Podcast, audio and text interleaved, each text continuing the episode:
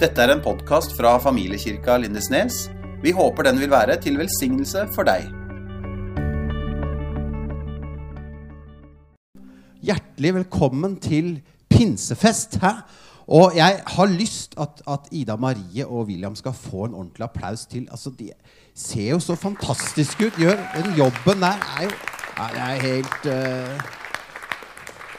Så denne helga her så stiller vi spørsmålet Hvem er Den hellige ånd? Eh, og eh, fordi at For noen da, så kan det være litt vanskelig. Fordi vi leser jo konkret i evangeliene om Jesus.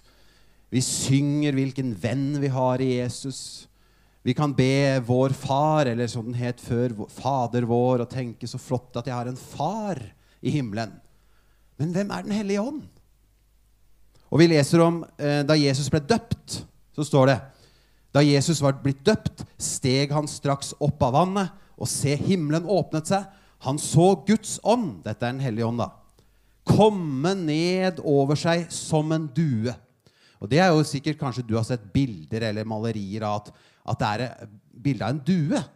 Så kan du tenke, er, Den hellige ånd en due, da? Hvem er du egentlig, Hellige ånd? Og bare for å være tydelig det, altså Den hellige ånd er ikke en due. Bare så det er helt klart. Han er ikke en due. Det står at han kom som en due. Det er en forskjell på det. Men temaet er hvem er Den hellige ånd? Og det er også et spørsmål vi stiller. Hvordan kan vi leve på en måte der vi får oppleve Den hellige ånd? For Hvis du har lest litt i det der det står i apostlenes gjerninger, da er det masse, masse, masse om Den hellige ånd. Og hvordan de ble brukt av Den hellige ånd, og hvordan Den hellige ånd ledet dem, og de fikk erfare ting. Og det er jo veldig kult at det kan vi oppleve, vi òg. Og etterpå så skal du høre noen som har opplevd noe av det, så det blir fantastisk. Men det er viktig å si vi skal bli kjent med denne delen av treenigheten. For det er viktig å si at Den hellige ånd han er en del av treenigheten. Og han er en likeverdig del av treenigheten. Det er viktig å si at Den hellige ånd er en person. Riktignok en guddommelig person. Gud skapte oss i vårt bilde. Altså, det, er ikke, det, er ikke, Gud som ligner på oss, da. det er vi som ligner på Gud. Grunnen til at du har personlighet, er fordi at Gud har personlighet. Og Den hellige ånd, han er en person. Far i himmelen er litt lettere å tenke at ja, han er en person. Han er jo far, og Jesus han vet vi mye om. Men faktisk, Den hellige ånd, han er en person. Og det er jo flott å bli inspirert av Den hellige ånd. Det sier vi noen ganger. Jeg ble så inspirert. Det var så sterkt møte. Jeg kjente jeg ble inspirert av Den hellige ånd. Og det er ikke noe gærent med å bli inspirert av Den hellige ånd. Men vi må ikke sette Den hellige ånd ned på et nivå der han bare er en inspirasjon. Eller en ånd som vi snakker om sånn Ja, det, eh, det var så god lagånd. Eller så god dugnadsånd i vellet. Altså, Vi må ikke ta Den hellige ånd ned til en sånn type ånd. Som en sånn inspirerende stemning på et eller annet vis. Nei, han er en likeverdig part. Han er like mye Gud som det Jesus er Gud, og som det far er Gud. Så for å skjønne det bedre, så kan vi tenke på vann. Vann, H2O, kommer i tre former. Det kommer flytende, det kommer som damp, og det kommer som is. Men det er de samme molekylene. Det er det samme stoffet. Sånn er det med Gud. Og Den hellige ånd er likeverdig. Far, Sønn og Den hellige ånd. Og faktisk så er det sånn at den eneste som er igjen på jorda av treenigheten akkurat nå, det er Den hellige ånd. Fordi det står nemlig det at Faderen han har satt seg på tronen. Han sitter på tronen. Jesus har satt seg ved Faderens høyre hånd, og så har de sendt Den hellige ånd. Det er han som er her nå. I Johannes evangelium kapittel 16 så sier Jesus noe sånn her. Han sier, 'Men jeg sier dere sannheten', sier han. Og når Jesus sier det, da burde du høre etter, da. Hvis Jesus hadde sagt dette Du, nå skal jeg si er sannheten. Ok, wow. Eh, du må høre etter, da. Og da sier Jesus dette her sånn. Det er det beste for dere at jeg går bort. Dette var jo rett før han skulle korsfestes, rett før han skulle dø. Sånn Disiplene var lei seg, redde, de ante ikke. Nei, det er det beste som kan skje, at jeg går bort. Ok?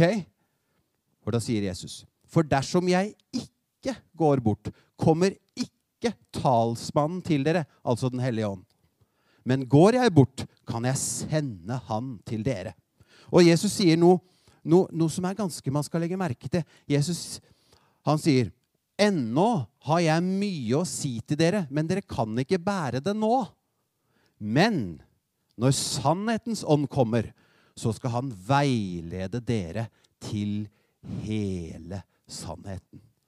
Det er akkurat som at hvis ikke han fikk sendt Den hellige ånd, så ble det litt begrensa. Tenk, tenk, deg hvis Jesus ikke hadde dødd, men han levde fremdeles i dag. Og du kunne gå og besøke han, da. Åssen hadde det vært? Jo, han hadde sikkert vært i Israel, kanskje, da. Og så måtte du fly ned dit. Og så måtte du sikkert booke inn et besøk, og det tok dødslang tid å vente. Og så måtte du notere en hel haug av ting du måtte rekke å si til Jesus. Sånn. Fordi, men tenk, når Jesus har rykket opp til himmelen, så har han sendt Den hellige ånd, sånn at du kan gå til Gud når som helst. Og så står det at Den hellige ånd skal veilede deg til den hele og fulle sannheten. Det er faktisk det beste at Jesus gikk bort. Så akkurat nå far sitter på tronen, Jesus sitter ved Faderens høyre hånd, og så er Den hellige ånd her på jorda. Og i Apostlenes gjerninger kapittel 1, vers 9-11, så står det Da han hadde sagt dette, dette er Jesus da, ble han løftet opp mens de så på. Og en sky tok han bort foran øynene på deres. Det hadde vært noe å se. Som de nå stirret mot himmelen mens han dro bort. Det er når Jesus sant, rykkes opp. Sto med ett to menn i hvite klær, trolig engler, da, foran dem og sa, Galileere, hvorfor står dere og ser mot himmelen? Denne Jesus som har blitt tatt bort fra dere, opp til himmelen, han skal komme igjen, sier de. På samme måte som dere har sett han fare opp. Og da må jeg spørre, ja, har Jesus kommet igjen ennå? Nei. Så det betyr han er i himmelen akkurat nå, men han har sendt Den hellige ånd. Så det er litt viktig å rydde litt i det. Så sier du ja, men Jesus er i hjertet mitt. Ja, yes, men det er ved Den hellige ånd. I Galaterbrevet, kapittel 4, vers 6, så står det Fordi dere er barn Det snakker vi om oss her, da. Har Gud, altså Far i himmelen, sendt sin sønns ånd inn i våre hjerter. Så han har sendt Den hellige ånd inn i hjertet ditt. Og derfor erfarer du Jesus i hjertet ditt. Ikke sant? Og det er treenig Gud, men du erfarer hjertet, i Jesus' hjerte fordi Den hellige ånd er sendt inn i hjertet ditt. Så et eksempel til. Apostlenes gjerninger, kapittel 7. Der står det om Stefanus som ble steina. Og Der står det også at Jesus han reiste seg for Stefanus. Ikke sant? Da er det eh, om Stefanus eh, Da de hørte dette, de som skulle, skulle steine ham, da, ble de så rasende at de skar tenner mot ham. Men Stefanus Hør hva det står om Stefanus. Stefanus var fylt av Den hellige ånd og rettet blikket mot himmelen, står det. Og der så han Guds herlighet og så står det 'Jesus stå ved Guds høyre hånd'. Så Jesus han reiste seg opp når Stefanus ble steina. Men det betyr at Jesus, der er Jesus. Han er ved Faderens høyre hånd. Altså Alt som skjer på jorda nå, skjer ved Den hellige ånd. Og selvfølgelig kan du be til Jesus. Selvfølgelig kan du be til Faderen. Men det som skjer, og erfaringen du opplever, er gjennom Den hellige ånd. I Romerne kapittel 5 og vers 5 så står det hvordan Guds kjærlighet er øst inn i hjertet ditt. Det står Og håpet skuffer ikke, for Guds kjærlighet er utøst i våre hjerter, står det. Sånn at vi kan erfare Guds kjærlighet. Men hvem er som muliggjør det, da? Det står Guds kjærlighet er utøst i våre hjerter ved Den hellige ånd, som Han har gitt oss. Så det er Han som gjør det mulig. Det er Han som opererer på jorda. Så spør vi ja, hvordan kan vi leve da på en måte som vi opplever Den hellige ånd? Det er veldig kult. Og det skal vi se litt på i kveld. Og det er her vi har kommet til nå. Og det er nå vi skal få fem fantastiske mennesker opp på scenen. Og de skal over i den sofaen der. De lurer på om skal jeg gå opp nå, eller eh, skal Morten si noe mer nå, eller eh, Bare vent lite grann. Så eh, de er sånn nå, eh, ja. eh, Så skal de opp der. Og når de forteller da, husk at alt det de har opplevd, det har skjedd ved Den hellige ånd. Så om de da noen ganger sier Jesus eller Faderen, så er ikke det så nøye. Men det er ved Den hellige ånd alt du skal få høre her nå. Så nå kan dere komme, Gerd og Svein og alle som jeg har avtalt med, kan komme opp på scenen nå. Ja Ja, var ikke dette koselig? Hæ? Dette er veldig bra. Det er alltid fint å sitte i en sofa, særlig på scenen. Så man blir sett på av ganske mange mennesker. Det er deilig. Så det er fint. Ja, Heidi, kan ikke du begynne også å fortelle? Vær så god. Det, det kan jeg. Hør dere meg? Ja. Eh, jeg er jo eh, Heidi, da. Og jeg har vært kristen hele livet. Eh, jeg er oppvokst i en kristen familie.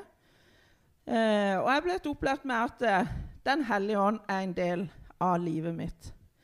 Eh, og i hverdagen, og at han kan lede meg. Eh, selv om en ikke alltid er bevisst på det. Eh, eh, Gud minner meg av og til på personer eller en hilsen jeg skal sende. Så kan en tenke er det fra meg sjøl? Eh, og så opplever en at det en sender, eller det en skriver til noen, eller telefonen en tar, så opplever en at dette er fra Gud. At en blir minnet om å gå akkurat til den personen. Og Det var f.eks. en gang eh, for ikke så lenge siden skulle jeg på møte i, Vennesla, nei, i, um, i Lyngdal. Eh, og jeg skulle på bibelcampen der. Der pleide jeg aldri å gå på møte. Jeg hadde vært der snaut en gang før. Men jeg hadde bare bestemt meg at det møtet hadde jeg lyst til å gå på. Eh, da var det ei venninne av meg som skulle være med og synge. Jeg tenkte det var jo gøy å gå og høre dem. Eh, og da var det sånn jeg tenkte Hvem skal jeg spørre med meg? Det er kjedelig å gå alene. Eh, og så var det akkurat som Gud minner meg på en person. Send en melding til henne og spør om hun blir med på møtet. Så tenkte jeg, Nei, det er jo ikke den jeg pleier å gå sammen med eller pleier å spørre med. Men så sendte jeg en melding, og så fikk jeg svar tilbake. Jo, jeg har lyst til å bli med deg på møtet. Eh, og det har jo bare utløst at eh, hun trengte ei søster i Herren. Eh, og jeg har fått ei søster i Herren, og på en måte et fellesskap som vi har fått i ettertid. Eh, og det er da tenker, ja, Hvis ikke jeg hadde gjort det, hva da? Eh, at en går litt på de innskytelsene som Gud gir en, med å sende et bibelvers eller eh, sende en sang, f.eks. En gang òg fikk jeg at ja, send den sangen til den personen. Ja, så gjorde jeg det. Og så fikk jeg tilbake Du, jeg trengte akkurat denne, og jeg trengte en hilsen til noen som har det veldig tøft akkurat nå. Og som den da fikk sendt den videre til den personen. Og jeg tror det er sånn Den hellige ånd leder oss i forskjellige ting som en er med på.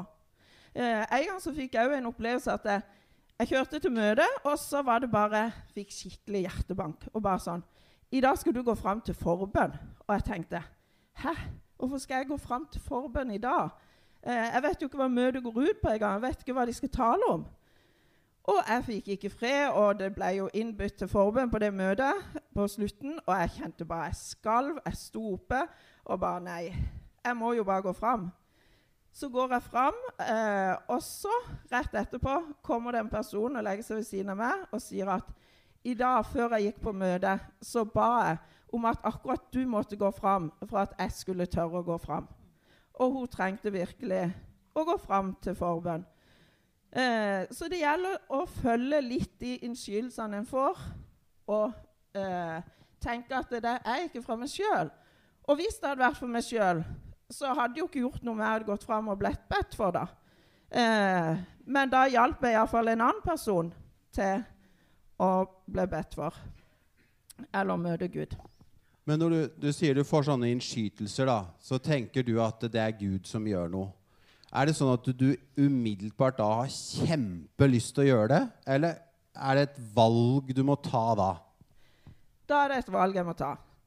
For jeg får av og til jo sånn at jeg skal si noe på møtet. Og da kan jeg jo tenke at å nei, jeg kan jo ikke gå fram og si bare det. En gang fikk jeg at jeg skulle gå fram og si 'Jesus elsker deg'. Og da så jeg faktisk akkurat den personen jeg skulle si til, i møtesalen. Jeg tenkte jeg kan jo ikke jeg kan ikke bare si det til de etterpå. Eh, men da òg var det sånn. Du står oppe og kjenner bare at 'nei, her kan jeg ikke stå folk bak meg'. Må jo se åssen jeg skjelver. Eh, og da òg, på en måte, jeg gikk fram og sa det da, selv om det var aldri så tøft. Og da den første som kom ved siden av meg rundt alterringen, det var den jenta som jeg så, og som trengte det. Og det utløste òg ting i møte av andre ting som skjer. Så en kan tenke at ting er så lite det en på en måte skal si, selv om det er kjempestort. Ja.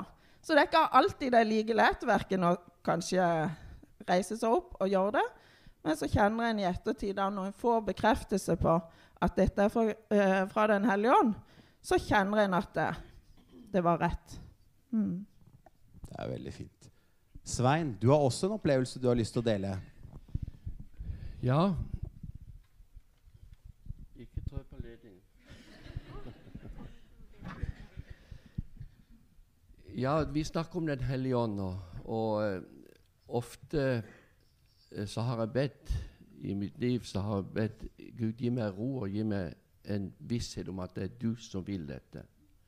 Så har jeg kjent en, en ro har kommet over meg, og så har jeg handla på det. Men vi reiste jo til Argentina i 1978. Det begynner å bli en del år siden. Og eh, fantastisk tid vi hadde i Argentina. Vi opplevde eh, Gud åpenbarte seg der, og sjeler ble frelst, og vi ba for mange. og Eh, vi hadde menigheter hjemme som støtta oss. Lyngdal var vår utsendermenighet. Vigeland var med og støtta oss. Og så hadde vi i Argentina hadde vi eh, forskjellige epoker der. For å si det sånn, da. Jeg husker Hvis ikke jeg husker feil, så var det nærmere mellom 500 og 600 dollar vi fikk sendt ut hver måned. Så lønna den kom i en sjekk i posten. Så kom det en tid det var, var kraftig inflasjon. og Dollaren det første de gjorde, var å trykke den ned, og vekselen var utrolig lav. Så husker jeg en måned, jeg tror det var gått ca. tolv dager den måneden vi hadde fått nettopp lønna vår. Eh, den nådde ikke til å betale halvdelen av regninga. Jeg husker jeg venner med, hun sitter der. Vi ba, kjære Gud, da må du hjelpe oss. Og jeg tenkte på, Herre, du har sendt oss ut her til Argentina for å tjene deg. Vi kan ikke gå til menigheten. Menigheten hadde ikke mye penger. Det var litt, litt grann som kom inn der. Må du hjelpe oss, Herre. Jeg hadde virkelig nød. Må du hjelpe oss, Herre. Jeg visste det kom ikke noe flere penger fra Norge. Hva skal jeg gjøre? Vi ba og vi ba. Jeg var veldig urolig. Så husker jeg for hver dag så pleide jeg å gå ned til posten først. Mens jeg kjørte ned der, så så Herren nok vår nød. Da talte Gud. Så sier jeg, 'Ikke i dag, Svein, men i morgen.' Det var så klart som en person satt rett ved siden av meg. Det var en helligånd som talte. 'Ikke i dag, men i morgen'. Jeg kjørte jo selvfølgelig ned til posten. Åpna postboksen. Der lå det en kjørr avis fra Norge og litt til. Så gikk jeg hjem. Og så gikk jeg ned neste dag, åpna opp postkassa, så lå det sånn en lapp. CC 329, som betyr Casilla Correa 329. Postboks 329. Og når det lå sånn en lapp, så visste vi det var rekommandert sending fra Norge. Gikk jeg bort til skranka, så leverte jeg den inn. kom det et brev som det sto Svein Gild på. Så åpna jeg det brevet.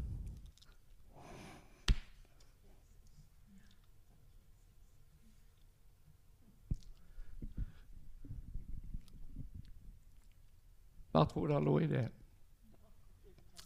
1000 dollar. Og hvor kom det fra? Det kom fra min kjære svigerfar i Amerika.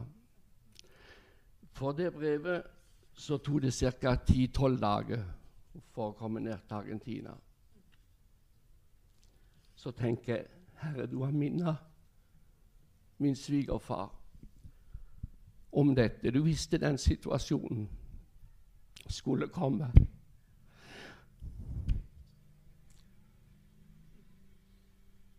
Så det ble en veldig spesiell opplevelse for oss.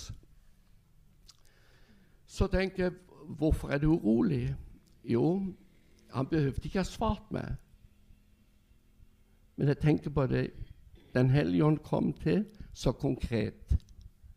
Og så er det ti år livet. at det er sånn at jeg har opplevd andre tilfeller som ikke jeg vil fortelle her.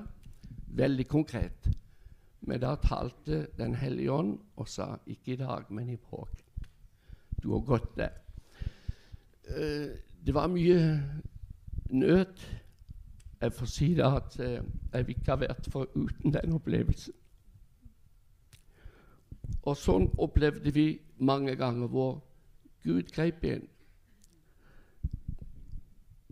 Og jeg tror nok i livet så er det sånn når du søker Herren og trenger Han mest, så er Han der. Og så kan Han komme på en spesiell måte hvor Den hellige ånd taler til deg, taler til oss. Det første under jeg opplevde i mitt liv, selvfølgelig frelsen Vi, vi hørte jo at Jesus gjorde vann til vin. Men jeg opplevde at det var et under når jeg traff kvelden. For der vitna Den hellige ånd og sa til meg, 'Svein, jeg tuller ikke nå, Morten.' Du skal møte en amerikanerinne. Ja vel. Og når jeg traff henne, så slo det ned mitt hjerte. Hun er det. Og jeg ser det nå i dag. Vi fikk begge kalt til misjon. Vi har forresten feira 50-års bryllupsdag. Så det er også et område som Den hellige ånd kan hjelpe oss. Og det syns jeg Nei, det var en spesiell opplevelse, Morten. Jeg ønsker å fortelle deg til deg, for du ringte meg da jeg var på tur i utlandet. Spurte om jeg ville si noe, så kom dette for meg. Og det var nydelig å høre på Svein. Takk nydelig, nydelig. All ære til Herren. Ja, så bra. Og Gerd, du har også noe du forteller.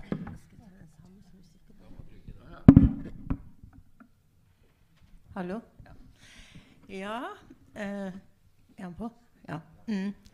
Um, jeg kan ikke akkurat si, sånn som Svein, at eh, det jeg skal fortelle, er en dramatisk historie. Det vil jeg bare få sagt med en gang. Uh, men det var ikke sånn egentlig at jeg hadde bedt akkurat den dagen det skjedde, om at noe skulle skje. Men vi er jo kristne, vi har Den hellige ånd i oss. sånn at Vi ønsker jo å være både til hjelp for våre medmennesker. ikke sant? Gjennom, det, det, gjelder jo i det hele. Eh, men det som jeg skal fortelle, det skjedde i august i fjor. Så det er ganske nytt.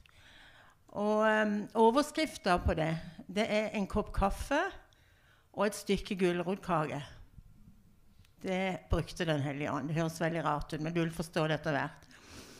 Altså, eh, jeg skal Uh, ikke, for ikke å holde på å si, røpe hvem dette gjelder, for det er veldig dramatisk, som sagt, så, så, så, kan jeg bare si at det skjedde et sted i Norge.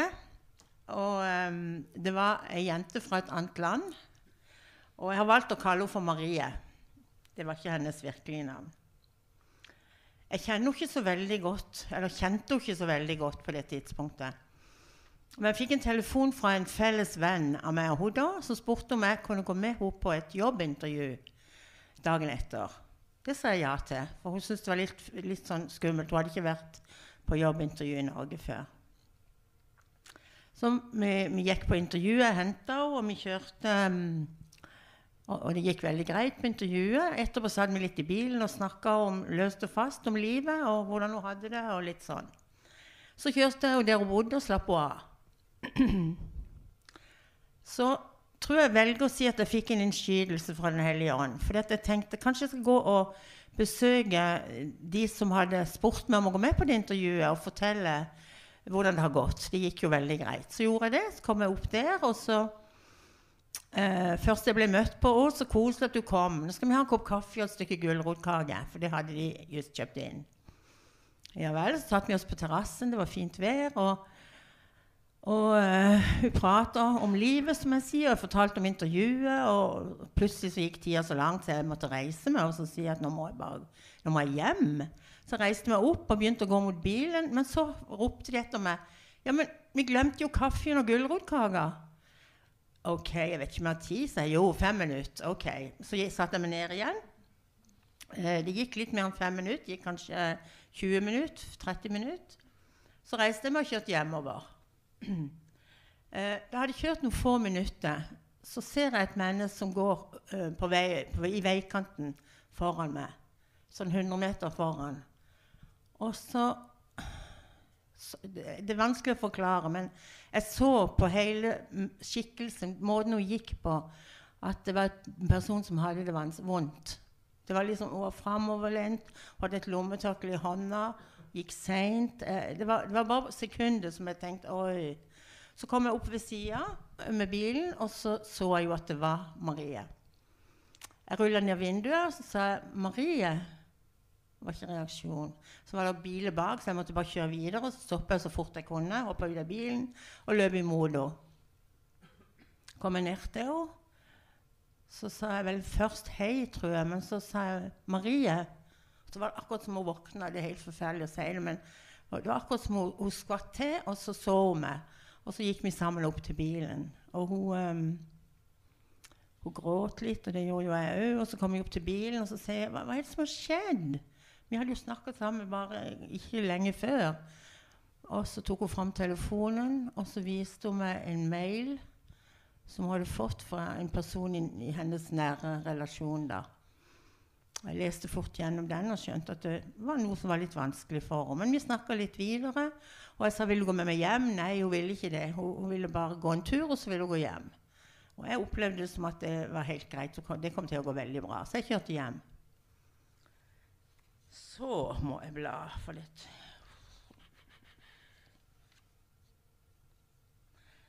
Så var det det at da kom jeg hjem, og så etter en, en god time så ringte telefonen.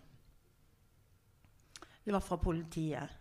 Om jeg kjente hun Marie, som det snakkes om. Ja, jeg gjorde det. Jeg har jo vært med henne på intervju i dag. Så jeg, ja, om jeg hadde snakka med henne i det siste? Ja, jeg hadde det. Forklart det sånn som det som jeg har sagt til dere. Ja, men jeg prøvde å ringe til men hun tar ikke telefonen, sa de. Nei, det kunne jo ikke jeg hjelpe for. Men iallfall så, hvis, det, hvis jeg fikk kontakt med henne, måtte, måtte jeg si fra til dem. Ja, jeg visste jo ikke hvorfor de ringte, men, men så så ringte meg gang jeg på, så ringte jeg, prøvde å ringe, og da tok hun telefonen. Og jeg ble veldig glad. Hun tok telefonen og sa hvor hun var.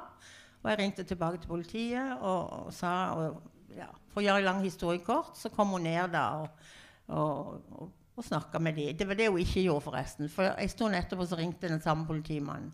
Og så sa han det, hun, hun, vil ikke fortelle, hun vil ikke si noen ting til oss. Kan du komme bort? Kanskje hun kan snakke til deg. Så kjørte jeg, kjørte jeg bort, og så satt jeg bak i Svartemaja sammen med henne.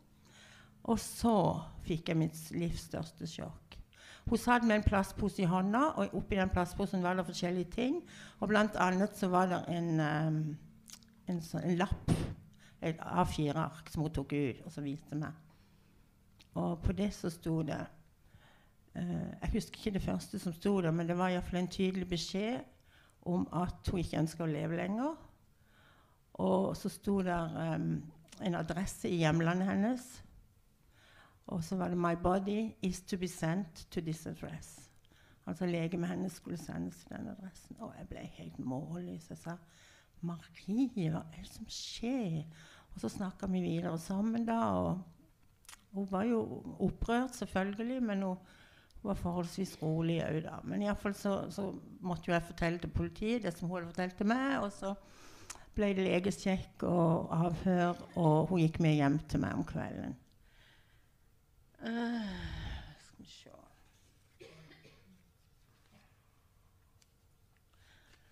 Og grunnen til at hun var blitt etterlyst, var jo at denne lappen var jo blitt funnet på senga hennes av husverten. Og de hadde satt uh, politiet i forbindelse med henne. Um, neste dag så viste hun meg hva hun hadde tenkt å gjøre. Hun viste meg stedet som hun hadde tenkt å Og jeg er bare helt, helt sikker på at Den hellige ånd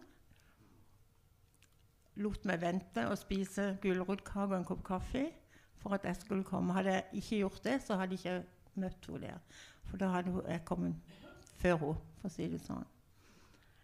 Uh, og at jeg var på rett sted til rett tid. Eh, all ære til Jesus, det må jeg bare si. altså, Den hellige ånd. fordi det var ikke fra meg sjøl. Jeg hadde ingen tanke om noe sånt. Det var helt, helt ukjent for meg at sånt skulle skje. Eh, og så kan jeg bare si det, at hun fikk jobben. Hun har fått seg en egen leilighet, har det godt, går i en menighet eh, på det stedet hun bor. Og jeg er så takknemlig for at jeg fikk være ei bitte lita brikke i hennes liv. Det er veldig sterkt, Gerd. Jeg tror ikke jeg skal kommentere noe på det, men det er wow.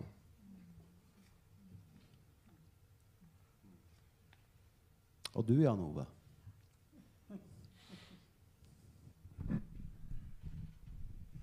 Ja. Det var en um, Dette var en hendelse på, i, på ca. 90-tallet. Uh, jeg var i menigheten til Kjell Altorp. Uh, og der opplevde jeg en veldig sterk uh, tilstedeværelse av Den hellige ånd. og det var veldig fokus på Den hellige ånd. og det med helbredelse på det møtet.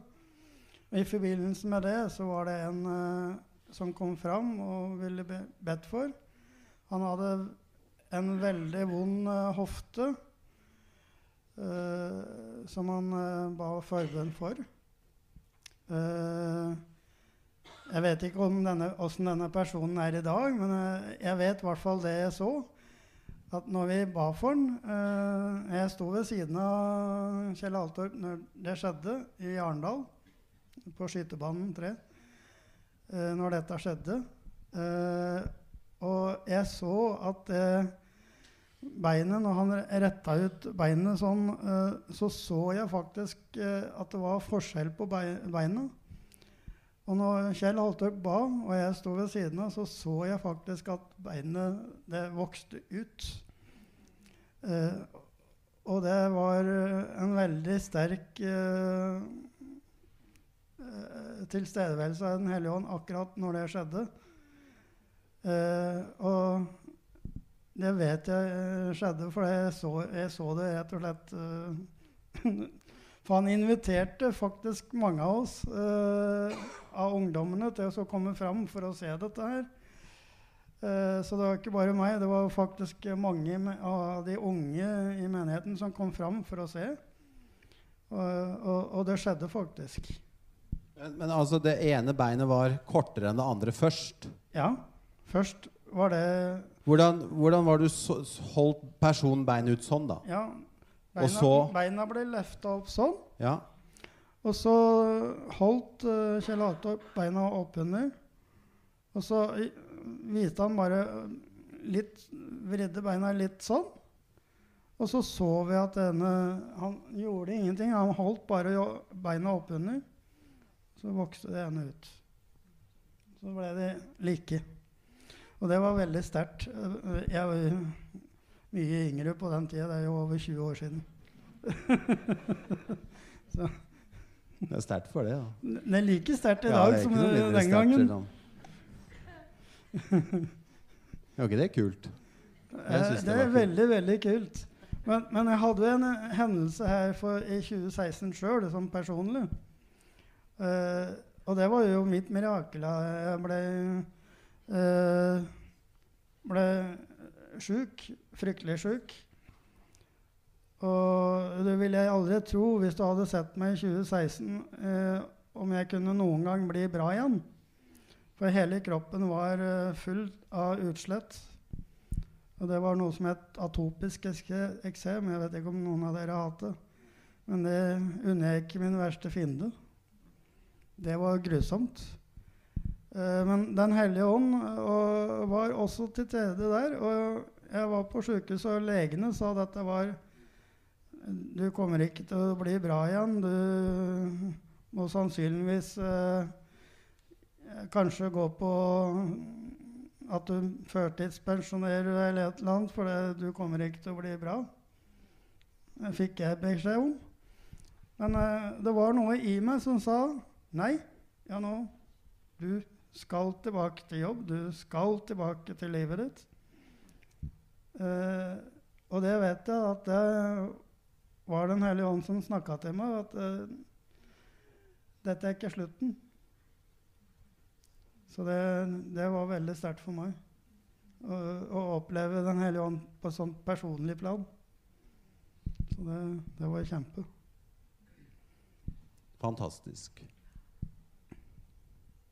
Og Nina, du har også noe du vil fortelle.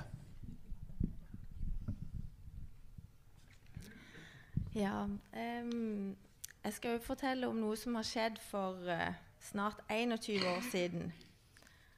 På en reise. Men jeg kan begynne først med å si litt om uh, oppveksten min. Med at um, jeg kommer ikke fra et typisk kristent hjem. Men uh, mora mi hun ba under, når hun var gravid med meg, og hun ba aftenbønn for meg hver kveld. Eh, mormora mi, Annie, hun gikk fast på bedehuset og i kirka i Mandal.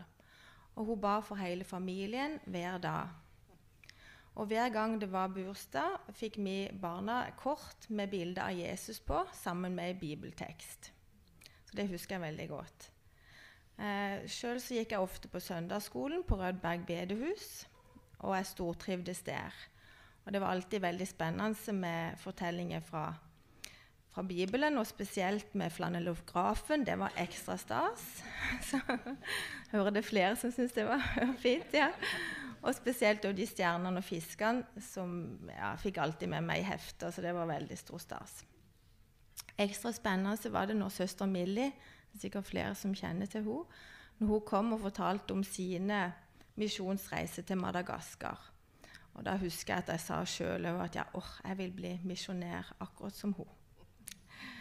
Um, og jeg husker veldig flotte samlinger på Rødberg bedehus sammen med Selmer Bensen og Bjørg Foss. Og når jeg ble voksen, så sa jeg alltid at jeg trodde, og at jeg hadde barnetroa mi.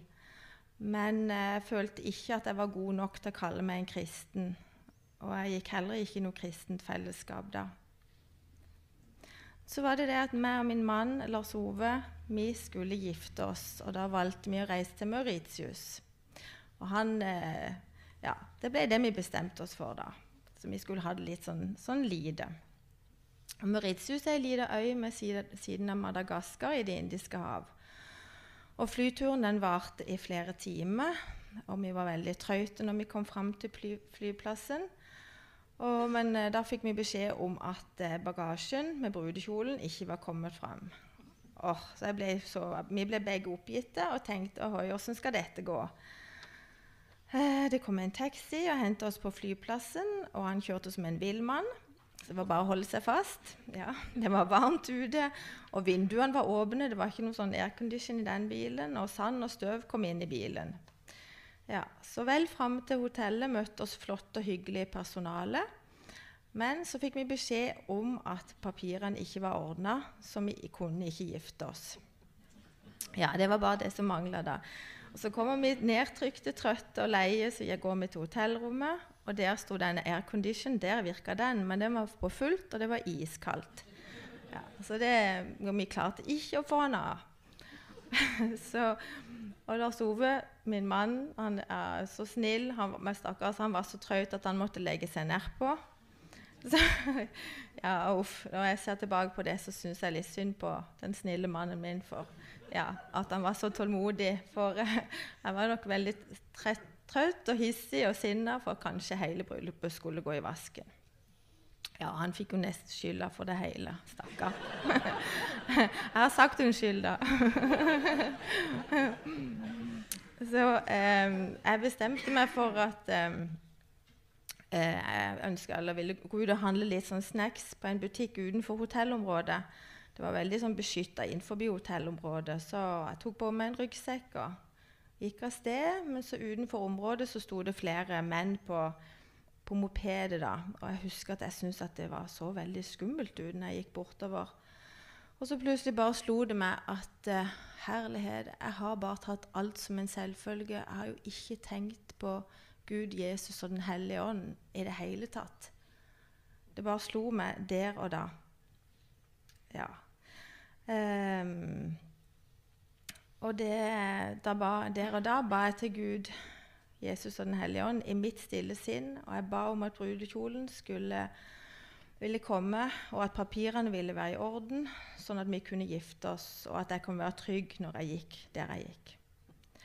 Ja. Og jeg, jeg handla, og det gikk fint. Og jeg gikk tilbake til Lars Ove, og han da det, ja, det synet der glemmer aldri. Da står og da, er, da, da sover han ikke lenger, men da står han og bare smiler med et stort smil rundt munnen og sier at nå har alt ordna seg. Mm. Da han hadde fått flere telefoner, bagasjen var funnet, og papirene var i orden, og vi kunne gifte oss. Og da inne på hotellrommet der, der og da bare la jeg meg ned på knærne og bare takka og priste. Ja. Så det var, det var veldig Ja, veldig, veldig, veldig stort. Um, og det var ja, det, det, var en utrolig opplevelse. Jeg merker det jo nå i dag når jeg sitter her og prater om det, så blir jeg jo ja, bevega i forhold til det. Um, vi hadde et flott bryllup på stranda på Mauritius. Um, så når vi kom hjem, så fikk vi velsignelse for vårt ekteskap. For han var jo ikke prest, så da tenkte jeg at det var viktig å få den velsignelsen for oss. da. Um, og det var jo etter det når jeg kom hjem, så begynte jeg i bibelgruppe. Um, og fikk mange nye og gode venner som òg jeg har den dag i dag. Um, og gjennom disse årene så ser jeg med veldig takknemlighet på hvordan Den hellige ånd leder mennesket på min vei. Og ap apropos det, mennesket på min vei, og hvor jeg òg blir møtt menneske, så har jeg fått en veldig veldig god venninne her, søster i Herren, som uh, treftes på Som ringte til meg, og vi reiste på Lyngdal bibelcamp.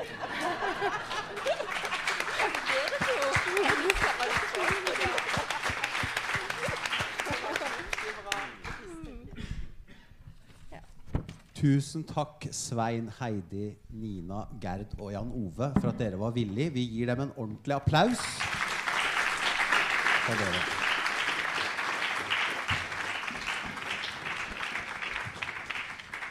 Ja, det er jo veldig kult å høre så varierte fortellinger om hvordan Gud virker.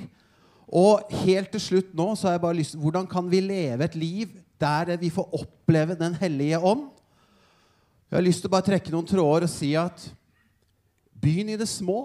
Hvis du syns det er litt rart, Still deg villig og si, litt sånn som det som Heidi var inne på helt først at det, liksom, Får du en innskytelse, tør å gå på det. Er det, sånn, det er kleint å sende Får du liksom, Jeg har lyst til å sende en SMS til noen, eller bare si en hilsen. 'Hei, jeg tenker på deg.' Nei, men det er jo flaut å gjøre. Send den SMS-en. Tør å ta noen sånne små steg. Så kanskje blir det litt lettere neste gang. Og, og så kan det bli enda større ting. Men det å stille seg der og være villig til å bli brukt av Den hellige ånd, da kan du leve et liv der du får oppleve mer og mer av Han. Og det er fantastisk. Tusen takk for at du hørte på vår podkast. Følg oss gjerne på vår Facebook-side Familiekirka Lindesnes.